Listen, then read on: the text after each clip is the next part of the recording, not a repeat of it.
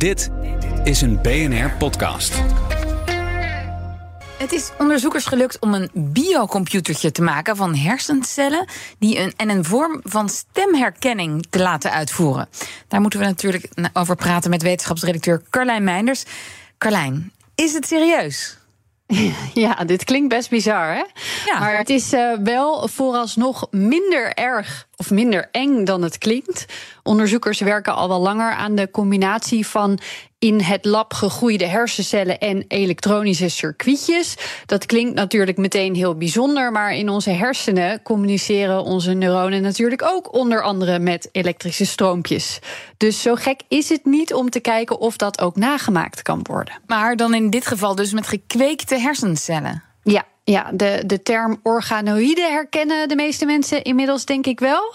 Uh, in het lab gekweekte ja. weefsels, of uh, zelfs iets wat in de buurt komt van een mini-versie van een orgaan. Uh, die kun je maken door stamcellen te nemen van een patiënt uit dat betreffende orgaan. Maar inmiddels kunnen ze ook bijvoorbeeld huidcellen gebruiken en die terugzetten naar stamcellen. En die stamcellen dan weer instrueren dat ze een bepaald weefsel moeten worden. En inmiddels weten onderzoekers dat steeds beter te doen. Ook hoe je dat een beetje natuurgetrouw krijgt. Uh, nu in 3D in plaats van eerst in 2D. Uh, soms door verschillende organoïden te combineren. Want in ons lichaam werkt er ook van alles samen. En dat model dat kun je dan gaan gebruiken om ziektes te bestuderen of medicijnen te testen. Maar in dit nieuwe onderzoek gaan ze dus behoorlijk wat verder dan dat. Ja, en ze pakken er eigenlijk nog een andere onderzoeksrichting bij, die van de computertechniek en kunstmatige intelligentie. Kunnen jullie je nog herinneren van vorig jaar dat ze hersencellen in een schaaltje een soort tafeltennis hebben oh, ja. leren spelen? Ja, dat jij, Pong ja. heet dat spelletje. Ja. Ja, ja, daar maakte een ander team van onderzoekers ook gebruik van uh, neuronen in een schaaltje, zeg maar, die ze met behulp van prikkels en informatie leerden te reageren op hun omgeving.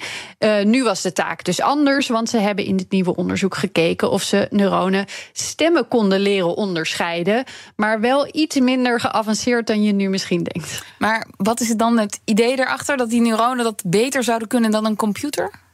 Niet, niet helemaal. Ze kijken eigenlijk kunnen we het beste van beide samenbrengen. Want onze hersenen zijn in veel taken vooralsnog in ieder geval energiezuiniger. En mm. vaak ook sneller dan een computernetwerk. Maar machine learning is soms weer beter in het uitvoeren van een hele specifieke taak.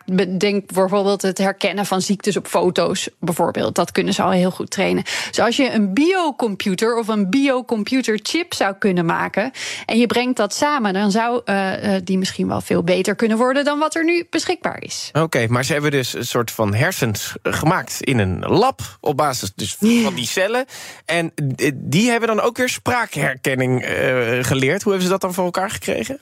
Nou, ze uh, verbonden uh, een hersenorganoïde. Die bestond uit zo'n 100 miljoen zenuwcellen via duizenden elektroden met zo'n elektrisch circuit, met een computer. Vervolgens vertaalden ze de input die ze wilden geven aan de organoïden naar elektrische pulsjes en die stuurden ze naar die cellen. En de reactie van de cellen daarop vingen ze weer op en vertaalden ze weer met een algoritme. En de input was in dit geval 240 spraakopnames van acht verschillende mensen. En het enige wat ze eigenlijk deden was die geluidsfragmenten steeds weer sturen, blijven herhalen. En de organoïden lukte het zo, dat hoopje uh, neuronen in een schaaltje, om na twee dagen verschillende patronen te genereren. Die werden dan weer uitgelezen, ja, opgevangen door een algoritme. En daarmee konden die stemmen dan met 78% nauwkeurigheid uit elkaar gehouden worden. Maar willen ze dit ook echt gaan gebruiken voor spraakherkenning? Nou, zoals het nu is, zou het lang niet goed genoeg zijn. Dit is eigenlijk een hele basale vorm van spraakherkenning. Zegt bijvoorbeeld niets over wat er gezegd wordt.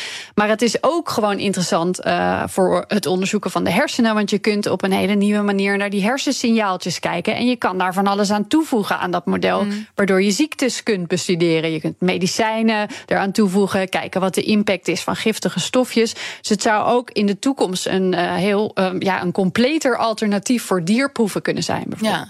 En wat worden de grootste uitdagingen als ze daarmee verder gaan? Nou, er is nog uh, genoeg dat niet lukt. Uh, de grootte van de organoïden is een uitdaging en hoe lang ze in leven blijven. De combinatie daarvan, want moeilijkere taken vraagt om grotere organoïden en die hebben weer meer nodig om in leven te blijven. Dat lukt ze nu een paar maanden volgens mij in deze situatie. Mm -hmm. En ze zijn ook nog niet heel stabiel en voorspelbaar in samenwerking met die elektrische netwerkjes. Dus voordat dit echt op een werkende computerchip zou belanden, zijn we echt uh, nog een stuk verder. Maar het gaat wel snel, dus het is zeker een ontwikkeling om in de gaten te houden. Kunnen ze binnenkort uh, naar BNR luisteren, deze lab hersens? Ja. Leuk. Heel benieuwd waar, hoe ze dan reageren. Ja. Dankjewel, Carlijn Meinders.